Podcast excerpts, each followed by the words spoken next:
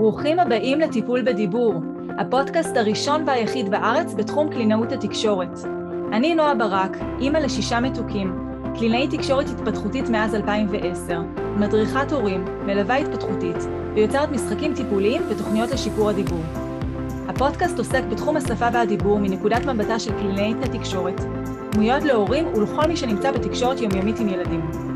חפשו אותי באתר שלי noabarak.co.il ועקבו אחריי גם ברשתות החברתיות.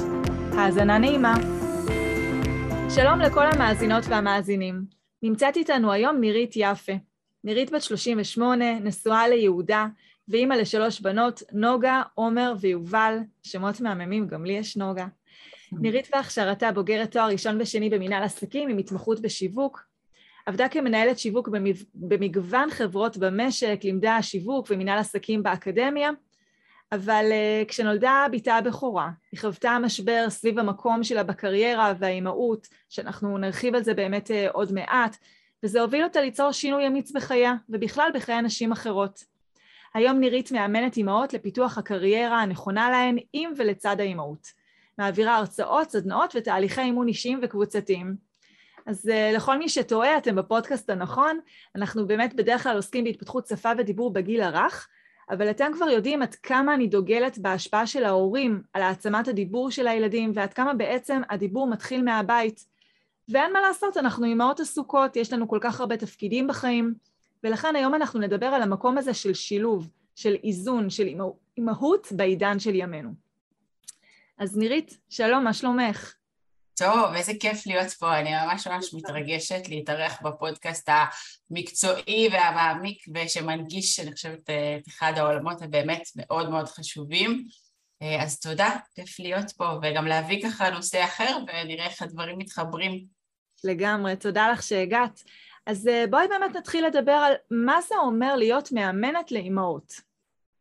כן, אז ככה, בכלל עולם האימון מאוד צמח בשנים האחרונות, ו... אה, יש מאמנים בכל מיני תחומים, אני חושבת שבאמת חלק מקצב החיים המהיר שלנו היום, אנשים מחפשים כן לעשות תהליכים, כן לגדול, לצמוח, להשתנות, ולעשות את זה בקצב קצת אחר, ולכן בעיניי יש יותר אה, מעולם האימון, ומאמנת לאימהות זה באמת אה, בא מהמקום שבעיניי אימהות זה באמת אחד המפגשים הכי הכי מעמיקים שיש לנו, הכי עוצמתיים שיש לנו בחיים. אני אומרת שאימהות היא, היא מראה דו צדדית. מצד אחד אנחנו רואות את עצמנו בילדים שלנו, גם בחיצוניות שלהם, גם באופי שלהם, ומצד שני זה שם לנו מראה למי שאנחנו. ובעצם המראה הזאת ששמה לנו למי שאנחנו, לפעמים היא מאוד נעימה ולפעמים פחות. ודווקא האימהות היא איזושהי הזדמנות לעשות תיקונים, לחזק את האימא שהיית, את הילדה שהייתי והיום צמחה להיות אימא, אה, תיקונים שקשורים ביחסים מהבית, ואני מתעסקת הרבה בקריירה. אז, אז מאמנת לאימהות זה בעצם יושבת מולי אימא, אבל אני רואה את הבית שיושב מאחוריה. אני רואה את זה שהאימא הזאת, היא רוצה להיות מודל לילדים שלה. היא רוצה להצליח, כאילו, יש איזו תחושה כזאת באימהות שזה איזה lose-lose situation כזה, שמאז שהפכתי לאימא אז אני בטוח צריכה לוותר על משהו אחר.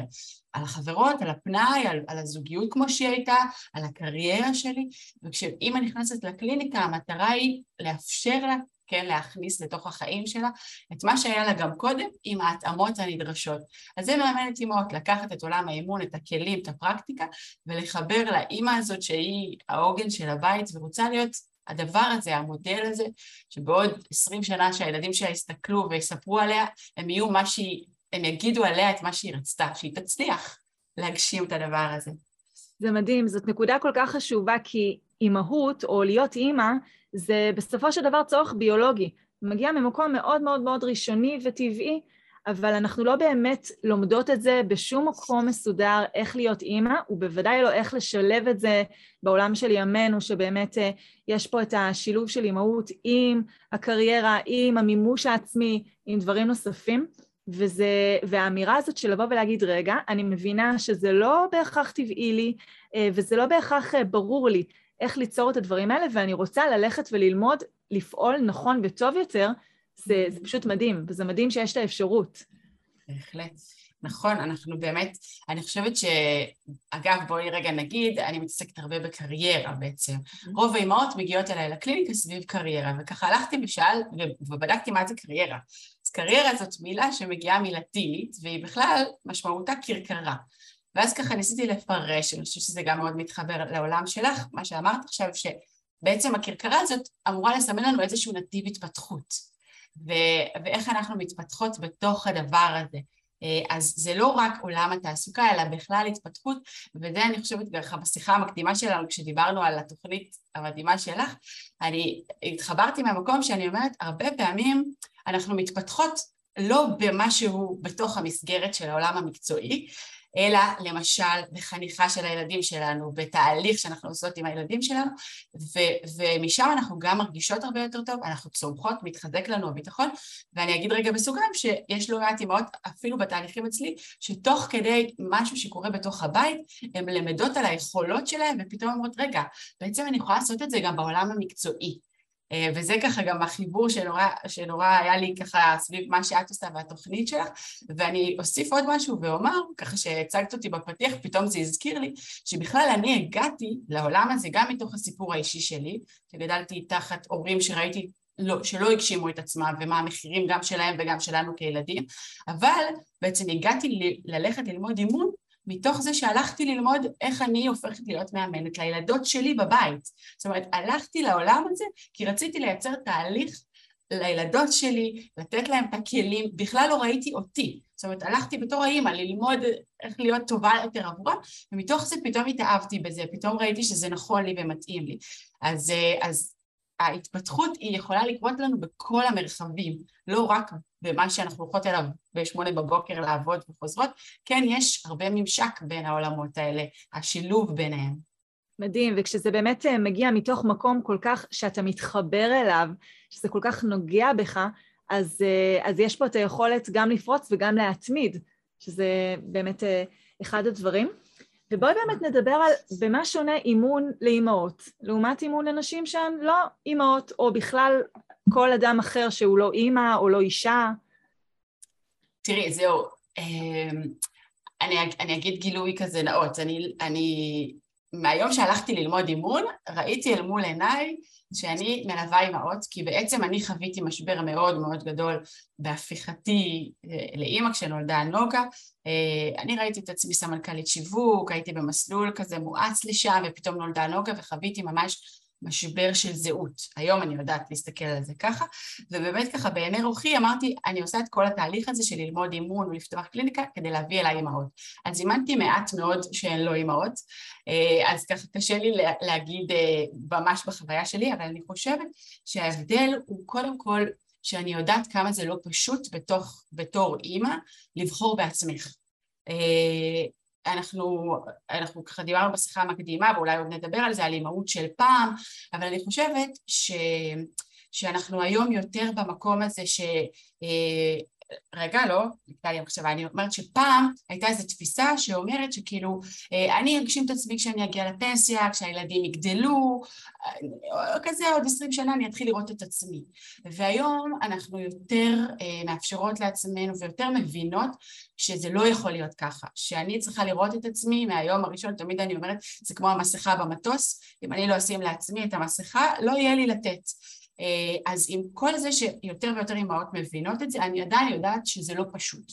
זאת אומרת, כשמגיעה אימא לתהליך כזה של אימון, זו החלטה של זמן, של משאבים, אה, היא מגיעה הרבה פעמים בתחושה שכאילו היא לוקחת מהזמן של הבית, היא לוקחת מהמשאבים של הבית, זה גם אחד הנושאים שתמיד עולים בקליניקה, כל המקום הזה של רגשות אשם ואת מי לתעדף, אז הדבר הזה נוכח בחדר מ-day one, והוא גם חלק מהעבודה. אז אז כשמגיעה אימא, יש איתה שק שלם שהיא מביאה, זאת אומרת זה לא נכנס אדם מבלי חלילה לזלזל, כל אחד ומה שהוא מביא איתו, אבל האימהות, אנחנו מהיום שאנחנו הופכות להיות אימהות, אנחנו יותר לא אדוניות לעצמנו, אנחנו סוחבות איתנו הרבה מאוד אחריות, מעגלים שלמים של דורות קדימה, וכשמגיעה אימא לתהליך אימון, הדבר הזה נוכח.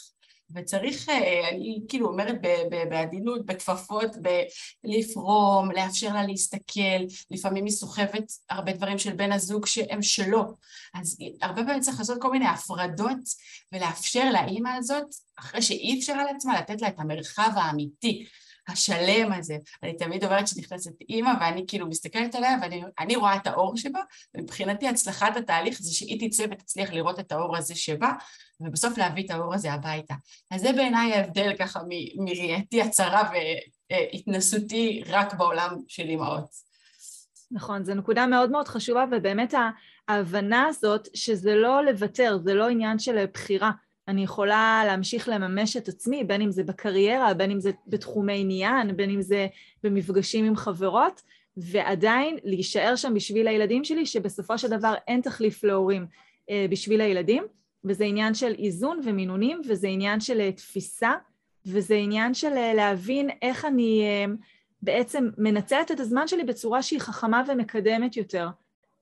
נכון. כי בסופו של דבר יש באמת לפעמים את המקום הזה שאולי הקיצוניות השנייה שאומרת, טוב, אז אני מתמקדת בזה, ואז אה, אה, אולי אה, אני נותנת את האחריות על דברים מסוימים עם הילדים לאנשים אחרים, חיצוניים, שהם יעזרו בכך וכך, יסדרו כך וכך, אבל זה לא באמת. זה לא באמת מצליח, זה לא באמת נכון. אנחנו לא באמת מוותרות על המקום שלנו כהורים או על המקום שלנו כחינוך, אנחנו פשוט, פשוט לומדות לעשות את זה בצורה שיודעת לשלב גם וגם. נכון. אני רוצה רגע להגיד ביחס למה שאמרת, אולי אפילו רגע לחדד, אני חושבת שאנחנו, וגם אמרנו שננסה קצת לתת ככה טיפים, אז קודם כל אני אגיד שאני לא אוהבת את המילה איזון ואני יותר בוחרת להשתמש במילה שילוב, כי בעיניי לעולם זה לא יהיה מאוזן יותר, מרגע שהפכנו לאימהות, כאילו המאזניים לא מתאזנות, אף פעם לא. בכל רגע נתון יש איזה בלטן, בכל רגע נתון יש תעדוף מסוים, ו- וצריך לשחרר בעיניי את, ה- את, ה- את הכמיהה הזאת. רגע יהיה פה איזון, תכף הוא יגדל ויהיה פה... לא. יש שילוב, והשילוב הזה הוא בכל רגע נתון, זה כל יום מחדש, כל תקופה, ויש תקופות שאני יותר בקריירה, ויש תקופות שאני יותר בבית, ויש תקופות שאני עכשיו עושה איזה תהליך הרזייה, אז אני קצת יותר עם עצמי, או לא משנה, או אני עושה תהליך של קידום של אחד הילדים בבית, אז יש יותר משאבים שלי שמושקעים שם. אז בעיניי, קודם כל בואו נעבור מאיזון לשילוב, נוריד את כל המעמסה הזאת, הציפייה, אה, ואני חושבת שבתוך השילוב הזה, אני לוקחת את מה שאת אומרת. אנחנו צריכות רגע לעשות איזה תמונת מבט על, ולהגיד, יש דברים שאני יכולה להוציא אותם למיקור חוץ. זאת אומרת, הערך שלי כאימא, במה שאני רוצה להעביר לילדים שלי, במה שאני רוצה שיצרב בתוכם, חוויות ילדות, איך שאני רוצה להצמיח אותם, אלו מקומות ש, שפחות נכונים לי וכל אחת צריכה לבחון את זה לעצמה, אגב, זה מאוד אינדיבידואלי, פחות נכונים לי, ושם אני רוצה להטביע את החותם שלי. אז אם שם אני רוצה להטביע את החותם שלי, ואני ריאלית במספר השעות ביממה, בכמות המשימות שלי, אז אני אומרת, אוקיי, בשאר המרחבים, בהם אני, אני אבקש יותר עזרה. בהם אני אנמיך ציפיות, אם עד היום ידעתי שאצלי תמיד המכונות מקופלות ואסירים, אז אולי לא, אז אולי הן לא תמיד יהיו מקופלות, אולי אני אביא עזרה, ואולי אני אקפל רק בסוף שבוע. זאת אומרת, גם בואו נשתחרר מהתפיסה הזאת שאנחנו יכולות הכל. בואו נבחר, זה הרבה מה שאני עושה בתהליכי האימון. האמון, בוא נתעדף ביחס למי שאני ולתפיסות שלי. יש מי שיגידו, מבחינתי, לקבל את הילדים בצהריים בארוחה חמה, להיות איתם שעה, שהם יאכלו את האוכל שלי, זה האימהות, זה מה שמייצג בעיניי אימהות, אחר כך אני הולכת ואני חוזרת ב-12 בלילה. זאת אומרת, כל אחת שתשאל את עצמה את השאלות האלה, ותבחר בכל רגע נתון איפה היא מקדישה את המשאבים שלה. ובאמת יש תקופות שאנחנו מש, משקיעות באחד הילדים, או אם אנחנו אחרי לידה אז אנחנו יותר... אז כל הזמן תחפשו את הנקודת שילוב הזאת, שבה יש לכם שקט, ובשאר המרחבים נעזר.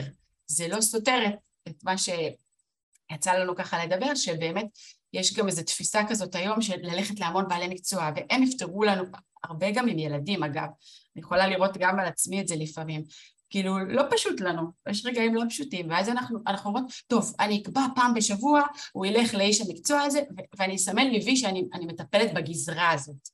אז, אז בואו נגיד רגע שמחקרית, ודיברנו על זה שתינו, ההשפעה של הבית היא השפעה משמעותית, 70 עד 80 אחוז היא השפעה של הבית. אנחנו לא אומרות את זה כדי להוסיף עוד רגשות אשם, אלא להגיד שדווקא להזמין לעשות תהליכים בתוך הבית. גם אני המטרה שלי שאימא תצא מתהליך עם ארגז כלים. זאת אומרת, הרי בעוד שנה, בעוד שנתיים היא שוב תיתקל באיזושהי צומת. אני רוצה שהיא תצא עם ארגז כלים, ויותר מזה, כשאימא עוברת תהליך ולוקחת לעצמה ארגז כלים, למשל של ראייה חיובית, של הוקרת הטוב, של להעיר הצלחות, זה דברים שהיא יכולה להכניס אותם אחר כך הביתה שלה. אז אם רגע לתת את הטיפ מתוך כל מה שאמרתי, זה להפוך איזון לשילוב, להבין שזה אף פעם לא נקודת, אה, נקודה שנעצרת, ולבחור איפה אני שם את המשאבים שלי לייצר תהליכים שאני מובילה אותם, שהם חשובים לי, שאני, שהם באג'נדה שלי, בערכים שלי כאימא. נכון, הנקודת שילוב שאת מציינת זה באמת דבר שהוא כל כך נכון, זה, באמת, זה לא שחור לבן, זה לא אם אני עכשיו אה, לא משחקת עם הילד, או לא יושבת איתו ופותרת אה, חוברת, או לא אפילו מקריאה לו סיפור, אז אני לא מפתחת אותו או לא מתקשרת איתו, להפך. כל המטלות הבית למשל, שאנחנו לפעמים אה, מעדיפות לבצע כשהילדים לא בנוכחותנו ולתקתק את זה או שלא יפריעו, אז זאת לגמרי הזדמנות ללמידה. זאת הזדמנות ממש. לשפה, זאת הזדמנות לשיח, לתקשורת, למודלינג, להדגמה, איך להתמודד עם דברים.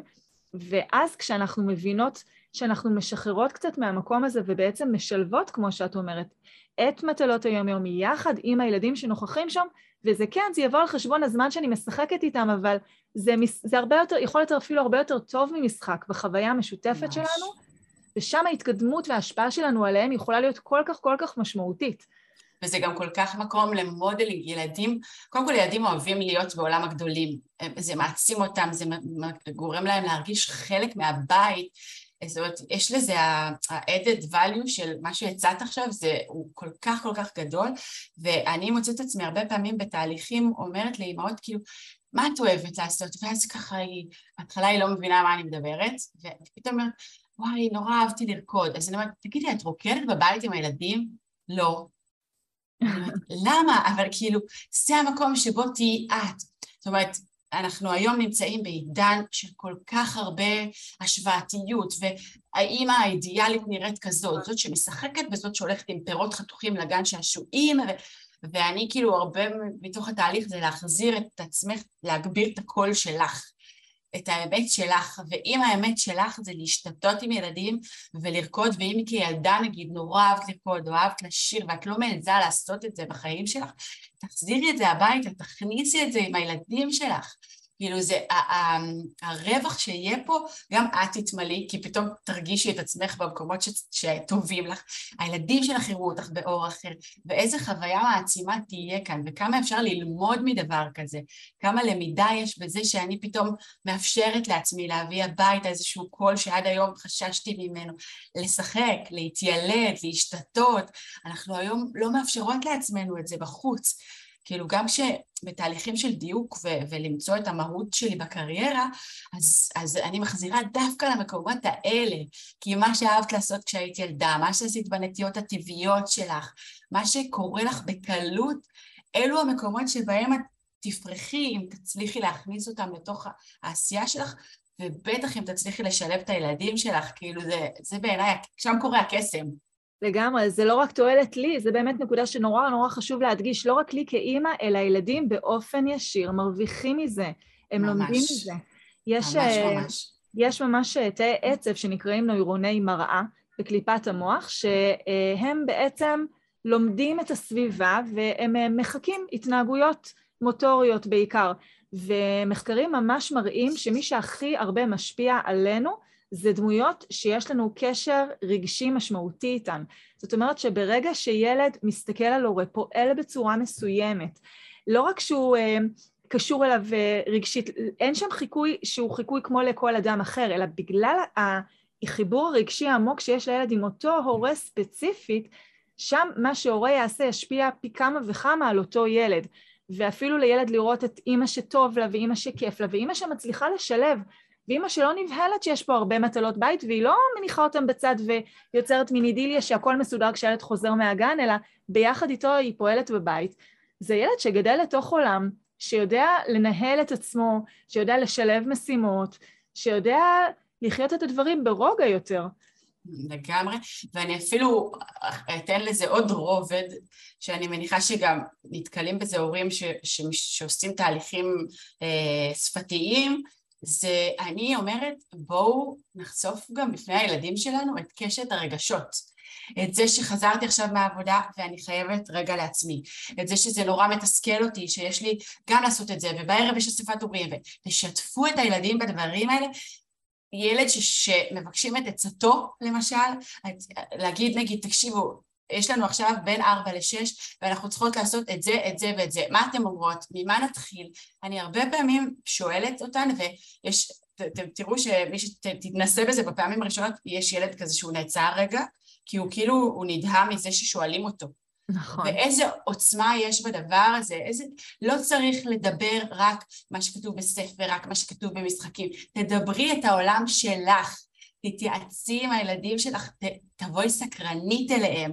אנחנו יכולות לגלות באמת אוצר באינטראקציות כאלה, לשקף, ל... וואי, זה, זה, איזה כיף מה שאמרת לי עכשיו, איזה... אתם פתאום ת, תגלו ילדים מפרגנים, ילדים שמחזקים אתכן. כאילו, כשאני באה ומספרת שהיה לי יום לא טוב, שהיו לי, לא עמדתי במשימות שהקצבתי לעצמי. קודם כל, אני מאפשרת פתח לילד לבוא הביתה ולהגיד שהיה לו יום לא טוב.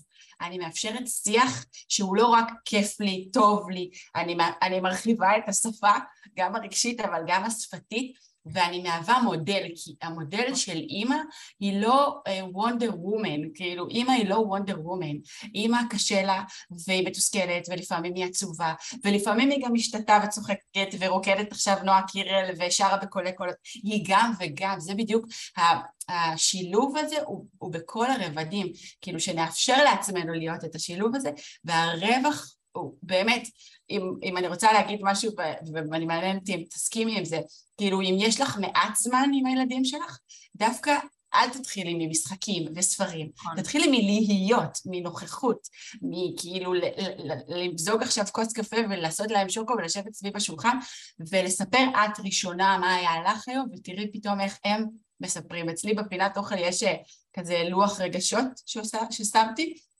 אחת הבנות שלי יותר קשה לה לשיים רגשות, ו- והרבה פעמים אני, אני מחזירה אותם, כאילו אני משתמשת בזה, וזה המודלינג, תתחילו ממודלינג כזה, כאילו, נכון. והאדוות של הדבר הזה, כן, האדוות הן גם בסוף בשינויי קריירה. בהתחלה אמהות אומרות לי, מה קשור? מה...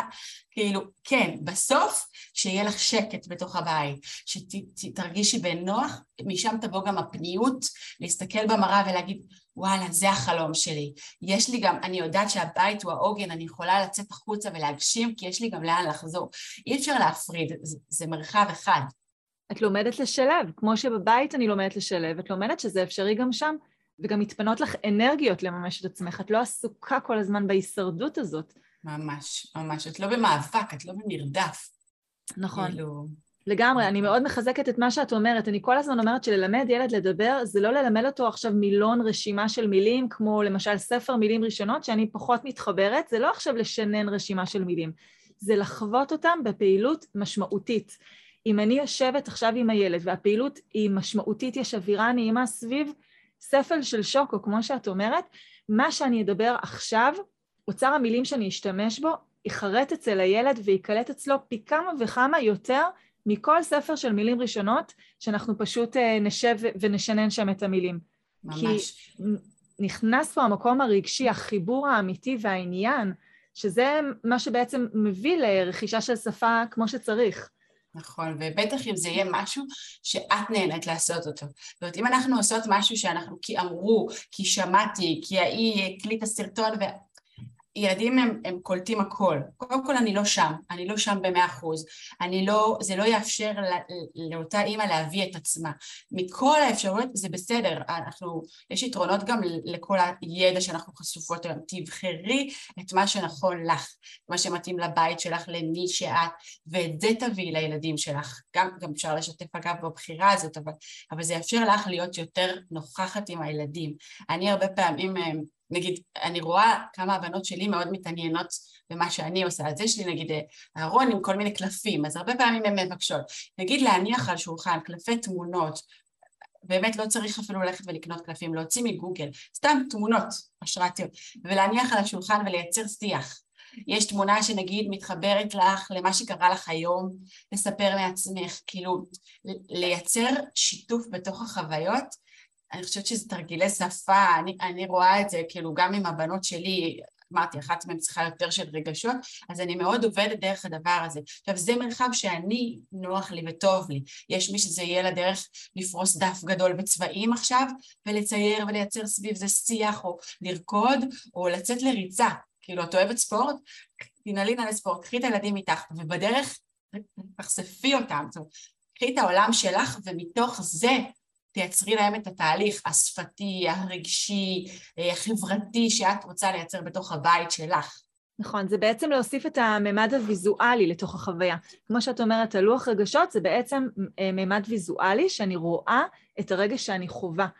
וכשילד רואה משהו מסוים, וזה לא רק לדבר בשליפה, לשלוף מהזיכרון, אלא הוא ממש רואה, אה, אז, אז השיח שם, היכולת שלו לשוחח היא הרבה הרבה יותר קלה לו, הרבה יותר קל לו לשלוף את המילים וליצור שם את מה שהוא רוצה להגיד.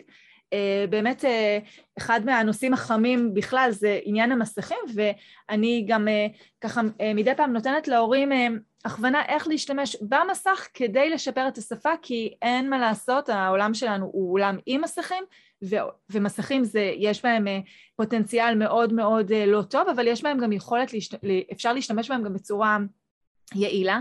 אז אפילו להסתכל בטלפון על תמונה משפחתית שצילמנו ולדבר עליה, משהו שהילד חווה, היה בו, שוב, קשור לדמויות רגשי, מעוררות רגשית, מעוררות רגש אצל אותו ילד, יהיה לו הרבה יותר קל לדבר על זה, לעומת אה, אה, קלפים אה, שיכולים להיות קלפים טיפוליים, שהם לא תמיד אה, מתוך העולם שלו. וזה באמת. תלוי גם ברמת השיח של הילד וברמת המורכבות אה, המופשטת, החשיבה המופשטת שלו.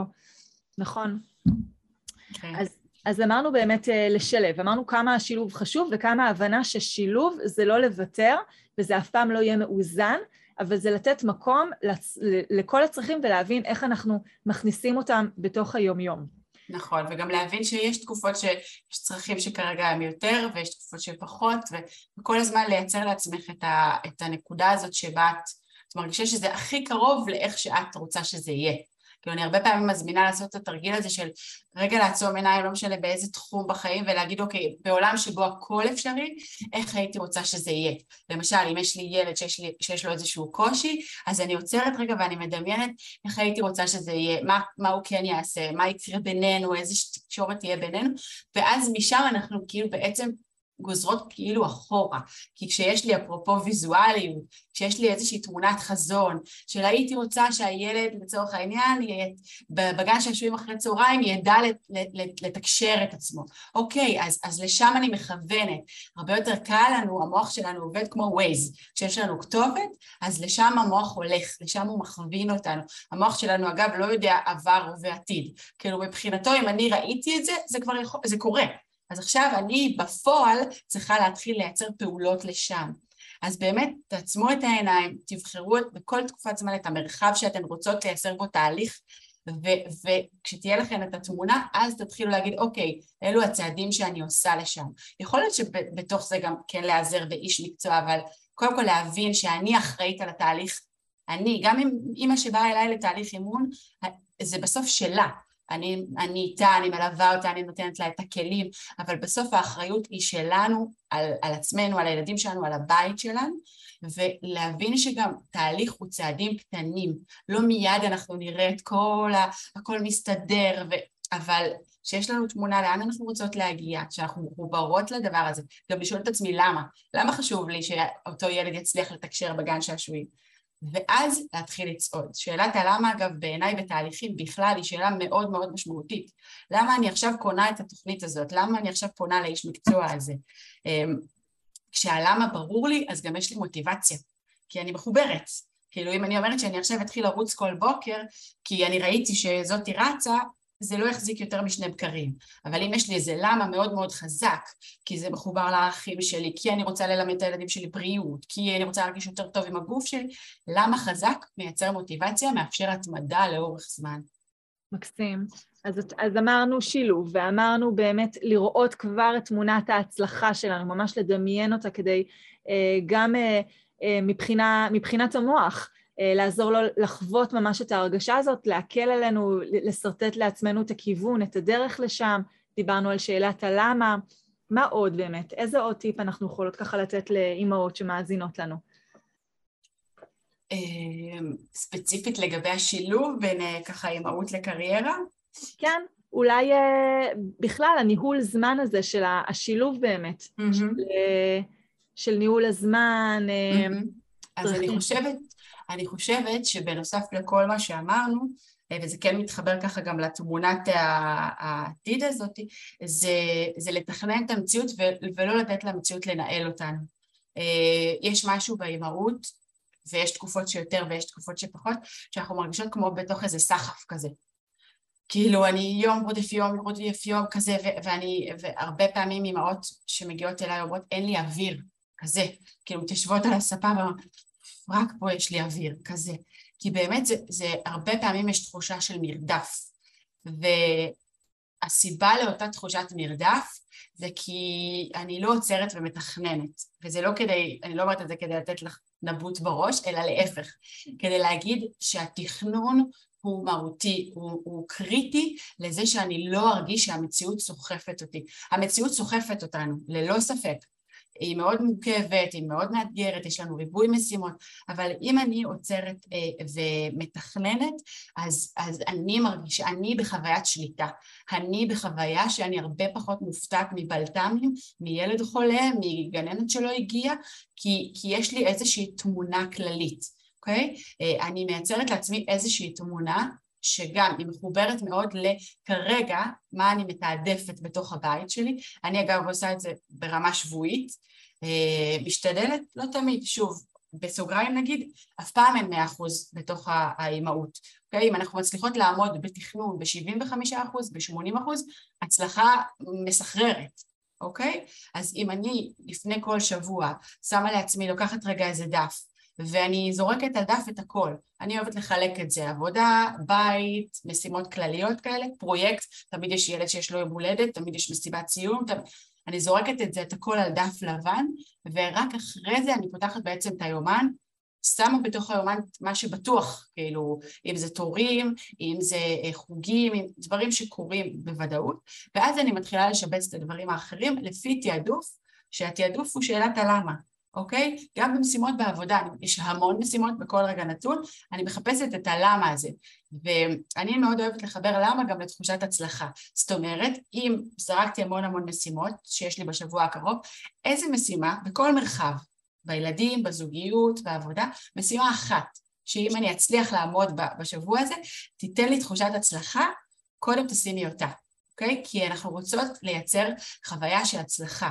חוויה של הצלחה מלמדת אותי שאני יכולה, מגדילה לי את הערך העצמי, את הביטחון, גם אצל, אצל ילדים, זה עובד בדיוק אותו דבר. אימון אימהות, אמרנו, בסוף משליך על הילדים.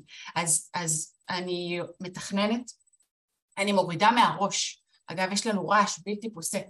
כל הזמן יש לנו רעש, ואני מרגישה שלא הספקתי, או שכחתי את המשימה הזאת, והטפשת הריון וכזה, להוריד הכל על דף, אני אוהבת לעשות את זה או בחמישי או במוצאי שבת, לתעדף למה, מה יגרום לי לחוויית הצלחה, ואז לזרוק בתוך היומן. לא הכל יקרה, זה בסדר, אבל תתחילי את יום ראשון בבוקר בחוויה של את יודעת מה מצפה לך, את תכננת, את תעדפת, תמיד תשאירי איזשהו בלוק כזה של, של השלמת בלטם, כי תמיד יהיה את המשהו שיפתיע, אז אני משאירה לעצמי נגיד ביום חמישי בדרך כלל זמן להשלים את מה שלא הספקתי ועדיין בסוף השבוע אני מסתכלת ואני אומרת וואלה, 70 אחוז, 75 אחוז, אני אוהבת לסמן לי אפילו וי כזה קטן ליד כל מה שהצלחתי. אז לתכנן את המציאות, להסתכל קדימה, מה חשוב לי שיקרה בבית, איזה תהליכים הייתי רוצה שיקרו, מה צפוי, ולנהל את המציאות שלי עד כמה שיש לי שליטה עליה. אבל לא להרגיש שהמציאות מנהלת אותי, זו חוויה נורא נורא קשה, והפגיעה הכי גדולה בחוויה שבה המציאות מנהלת אותי, זה פגיעה בערך העצמי. כי אני לא מספיקה את מה שאני רוצה, אני כל הזמן בחוויה שאני לא מספיק טובה, שהמציאות בקצב יותר גבוה ממני, ו, וזה לא טוב, לא לי כאימא ולא לבית שלי ולא לילדים שלי. אז לתכנן זה באמת אחד הדברים, ולהיעזר כמו שאמרנו, אנחנו לא וונדר וומן. נכון. להבין שזה ממש ממש בסדר, זה לא הופך אותנו לפחות, להפך. זה רק אה, אה, מראה על סדרי העדיפויות שלנו ו- וגם דוגמה אישית לילדים. וכמו שאת אומרת, באמת, המקום הזה שאני מתכננת, אני מאפשרת לעצמי, שוב, עד כמה שניתן, שליטה על החיים שלי. אני לא בוחרת להיות בחוסר אונים, אני לא בוחרת להיות במקום של קורבן. אני לוקחת לא... אחריות. נכון. לוקחת אחריות ומצליחה לנהל אה, את החיים שלי. שוב, עד כמה שיש דברים לא, לא צפויים מסביב, אבל אה, זה, זה, וזה לגמרי עניין של בחירה. זה לא עניין של נסיבות חיצוניות, וזה לא עניין של אה, זמינות, וזה לא עניין של שום דבר, זה לגמרי עניין של בחירה. שאני מקבלת על עצמי בחירה, להחזיר לעצמי את הכוח, אה, לפעול לטובת עצמי, להבין איך אני עוזרת לעצמי, ולא לחכות שמישהו אחר יציל אותי מעצמי, אלא אני עכשיו לוקחת בחירה ועושה את הפעולות הנכונות כדי לגרום לזה לקרות. נכון, וזה לא תמיד פשוט, אני, גם מי שתאזין לנו ותשמע את זה, אז, אז, אז בוא נגיד רגע, בוא, בוא נגיד את מה שצפוי שיקרה. מיד יעלה איזה אוטומט שאומר, טוב, הן יכולות, הן מתעסקות בזה, הן יש...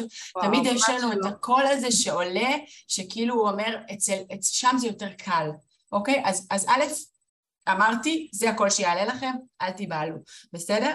אבל אחרי שעולה הקול הזה, ועולה התנגדות, כי שינוי מביא איתו תמיד התנגדות, ואנחנו מציעות פה איזשהו שינוי. אז אחרי שעולה בי ההתנגדות, להגיד לעצמי, אוקיי, אני מנסה, כאילו, אני רק רגע מתחילה, בואי תנסי שבוע, בסדר? מקסימום תכתבי לי אחר כך, נירית, קשקשת, לא קורה, לא מחובר למציאות, בסדר? אבל תני לעצמך הזדמנות, כמו שאת חיה את המציאות עד היום, את מכירה, לא עובד במאה אחוז, כנראה. אז בואי תנסי לייצר שינוי. אמרנו שינוי זה צעדים קטנים. תנסו שבוע, תנסי יום, אוקיי? זאת אומרת, לצד ההתנגדות, וזה בסדר, אנחנו לא מצפות להשתיק התנגדות. בכל שינוי שאנחנו מייצרות במרחב שלנו, האישי והביתי, תמיד גם ילדים, כשאנחנו מנסים לייצר להם שינוי, באופן אוטומטי הם מיד יתנגדו לדבר הזה. כי רגע, רגע, רגע, סליחה, את מזיזה לי פה ואני מכיר ככה, גם אם זה לא תמיד טוב, עזבי אותי, תשאירי אותי, איך, איך מי שזה, תשאירי אותי בחרא, סליחה, אז אוקיי? אז אני לא נבהלת מההתנגדות הזאת, אני הולכת ביחד איתה. בסדר, סבבה, לחזור למוכר תמיד אפשר. בואי תנסי, תאמצי לך משהו חדש. זאת אומרת, מי שמקשיבה לנו, אנחנו נותנות פה כל מיני טיפים. אני אומרת, בסוף הפרק הזה קחי משהו אחד, מכל מה שהצענו, באחד המרחבים שקורים אצלך בבית, ותתחילי ליישם. יש לנו גם נטייה להגיד, ממחר אני עושה הכל. לא, כי נכון. זה סופו של, סופה של הבטחה כזאת לאכזבה. משהו אחד, תצליחי שבוע, שבועיים, תחזרי לפרק הזה, תבחרי עוד משהו. זה משהו שמאוד מאוד חשוב, גם עם ילדים. אנחנו לא עכשיו משנים להם הכל מקצה לקצה. לא מיד מוציאים מהבית את, את המסכים, או את המתוקים, או את הספרים, אוקיי? קטן, קטן, קטן, שינוי. כאילו, אנחנו צריכים להתרגל אליו גם. נכון, זה כמו דיאטת אחרי החגים. אז הנה, הגיעו אחרי החגים, ועכשיו קאט בבת אחת, זה לא... כן. כן, נכון. כן, אני, אני מניחה שגם את נתקלת בזה, נגיד עכשיו בחופש הגדול, שהורים נורא רוצים עכשיו לעשות את כל השינויים לילדים, עכשיו, עכשיו, עכשיו, כזה. אני, אני מרגישה את זה תמיד אה, אה, אחרי החגים. זהו, נגמרו החגים, עכשיו הזמן למצוא עבודה, עכשיו אני אעשה תהליך, עכשיו... שנייה, כאילו גם לא טוב אף פעם לבוא באיזה כזה קרייסס, כאילו כל זמן הוא זמן טוב לעשות שינוי, הבשלות היא מאוד חשובה, הפניות היא מאוד חשובה, על להגדיר לעצמי למה עכשיו אני מתעדפת את השינוי הזה על פני שינויים אחרים, ולהתחיל בקטן, לפני שאני לוקחת ומשנה את כל החזיתות בבית. נכון. זה, זה ממש ממש חשוב. נכון, זה ממש לחוות חוויה של הצלחה, ועוד חוויה של הצלחה, ועוד חוויה של הצלחה. אמ, נכון? וזה, וזה לרכוש הרגלים, שזאת עבודה יומיומית, ואני יכולה ממש. להעיד על עצמי עם הילדים שלי, שזה עבודה יומיומית, שינויים שאני רוצה ליצור אצלם, אה, שינויים שאני רוצה ליצור אצלי. זה לא שאם פעם אחת הצלחתי, זהו, זה עכשיו שלי ואני לא צריכה להמשיך לעבוד בזה, זה משהו כל ש... הזמן. כל הזמן, כל הזמן, אנחנו כל הזמן בשינוי, כל הזמן בלמידה, ומתחבר לי למה שאמרת על דיאטה, יש לנו הרבה פעמים אני יודעת גם על עצמי, בנטייה שנגיד התחלתי ואז כמה ימים לא הלך, אז זהו, אז, אז שוברים את הכלים. אז גם, אני חושבת שבסוף הצלחה נמדדת בהתמדה, וגם אם כמה ימים זה לא עבד, או נסענו עכשיו לחופש ולא תרגלנו, או היה קרייסיס בבית, לחזור לזה, לחזור לאותה נקודה ושוב להניע, ושוב, משם תהיה הגדילה, משם תהיה הצמיחה, משם אני אלמד את עצמי שאני מסוגלת, שאני יכולה. אז זה משהו נוסף שחשוב לי להגיד, זה לא קו ישר. כאילו כל תהליך הוא עליות וירידות, עליות וירידות, כל עוד אני נשארת בתנועה, באותה כרכרה, באותה התפתחות, אז אני בדרך שלי, אז אני במקום הנכון לי. ועוד משהו קטן שחשוב לי להוסיף, בכל הדבר הזה של תעדוף הבית ותכנון ומשימות, אני מאוד אוהבת לצד ה-to-do list, שהוא בלתי נגמר, תמיד להוסיף עמודה שאני קוראת לה wish list, mm. אוקיי? wish list זה מה בא לי בשביל עצמי. כאילו, כל שבוע, ובבקשה אל תוותרו על הדבר הזה. והבא לי בשביל עצמי זה גם יכול להיות זמן עם בן זוג, או זמן עם חברה, או זמן עם הילדים, אבל מה הדבר הזה שימלא לי את המיכל, ש...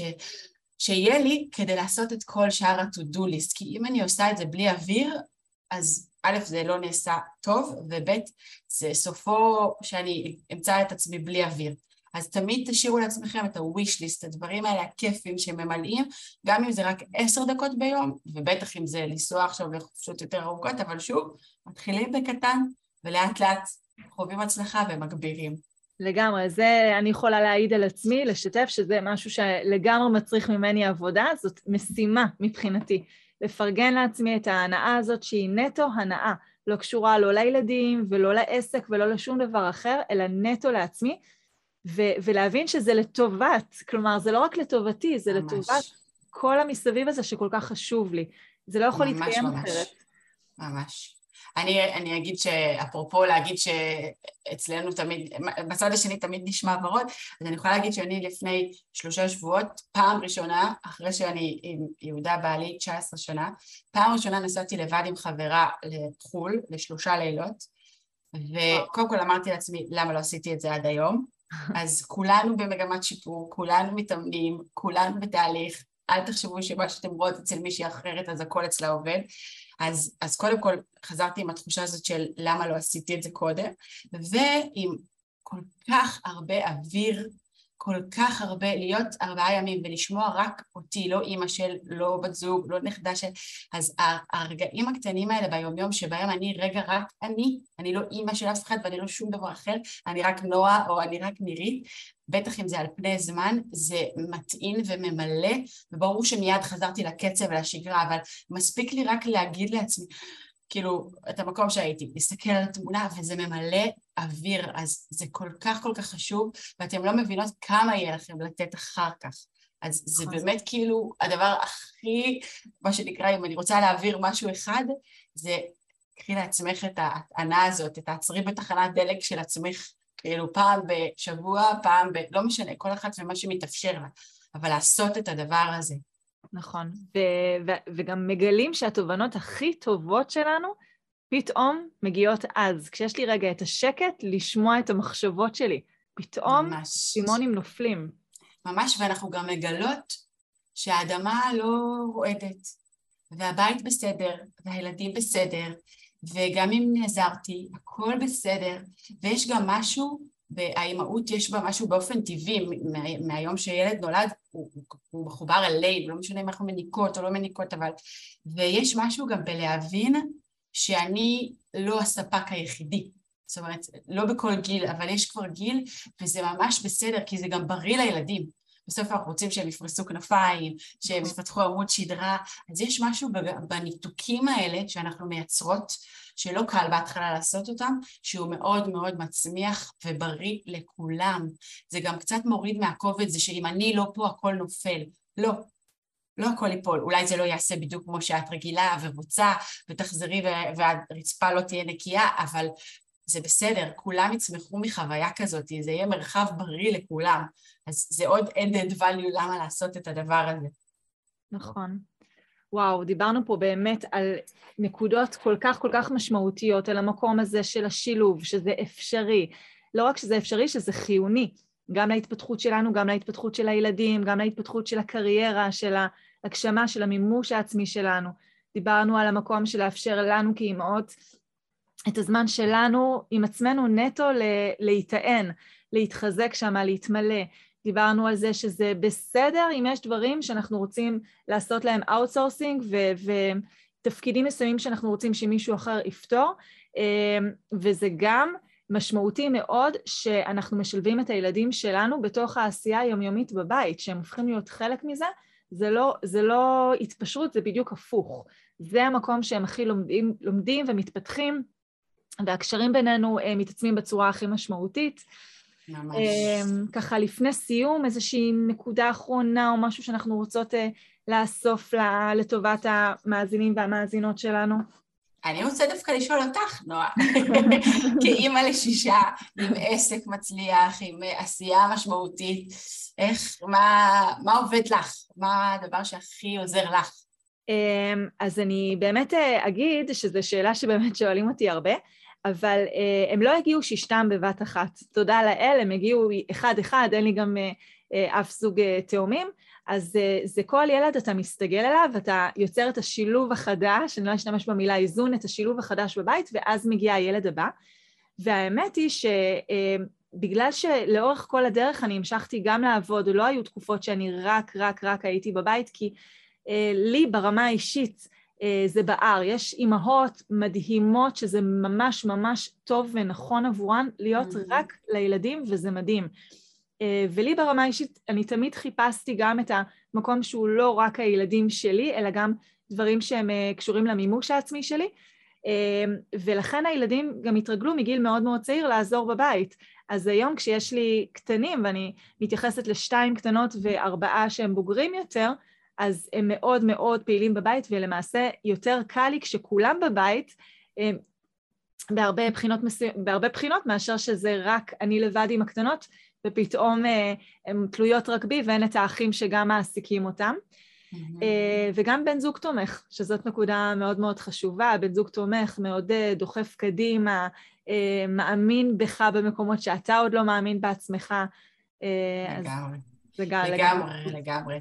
אז אני אקח את ש, ש, שניים מתוך הדברים שאמרת וככה אוסיף ועם זה נסיים נראה לי, שבאמת אני חושבת ש...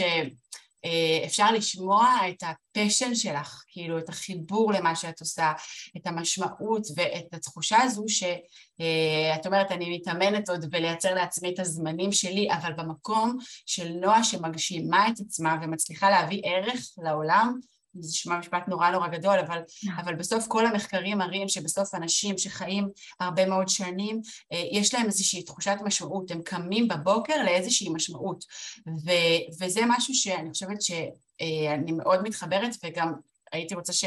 מי ששומעות אותנו ייקחו, זה המקום הזה, לקום בבוקר ולהרגיש איפה אני משמעותית, וכל אחת יש את המשמעותית שלה, אין אמת אחת. אה, אבל תשאלי את עצמך איפה אני משמעותית, איך אני מרחיבה ביומיום שלי את תחושת המשמעות שלי, וזה לא משנה במה אני עובדת, ואם אני, אני אוהבת את המקום שאני עובדת ואני רוצה איפה אני יכולה לעשות יותר ולהיות יותר משמעותית, בקהילה שבה אני גרה, אה, בוועד הורים, חברות, לא משנה, אבל תחושת המשמעות זה דבר זה, זה כמעט כמו אוויר בשבילנו, להרגיש משמעותיים, וכמו שאפשר לשמוע אותך, כשאת מרגישה משמעותית ואת אומרת לא עצרתי, תמיד הייתי בעשייה הזאת, זה בעצם אפשר לך לבוא הביתה אחרת, לחזור ולהיות, לתת, כי, כי מילאת את, את התחושה המשמעותית הזאת. אז זה משהו מאוד מאוד חשוב, והדבר השני זה באמת העניין הזה של מישהו אחד תומך ומאמין בנו קצת יותר ממה שאנחנו בעצמנו. זה יכול להיות בן זוג, זה יכול להיות חברה, זה יכולה להיות אחות, אבל תמצאי לעצמך את המישהי הזאת שמאמינה בך יותר, וזה יכול להיות גם איש מקצוע, לפעמים אנחנו צריכים לצאת החוצה, אבל מישהו אחד שבכל רגע נתון הוא רואה אותך בשני צעדים קדימה, והוא עוזר לך ללכת לשם. אה, אני חושבת שזה משהו מאוד מחזק ומאוד מצמיח, אה, וכשיש בן זוג כזה, אני יכולה להגיד שגם אצלי זה ככה, זה מדהים, אבל זה לא אומר שבן הזוג הוא פחות טוב אם הוא לא המענה הזה. אז נכון. גם לא, שלא כל מי ששומעת נגיד, אה טוב, הבן זוג שלי לא מאמין בי אז אני לא יכולה לעשות את זה.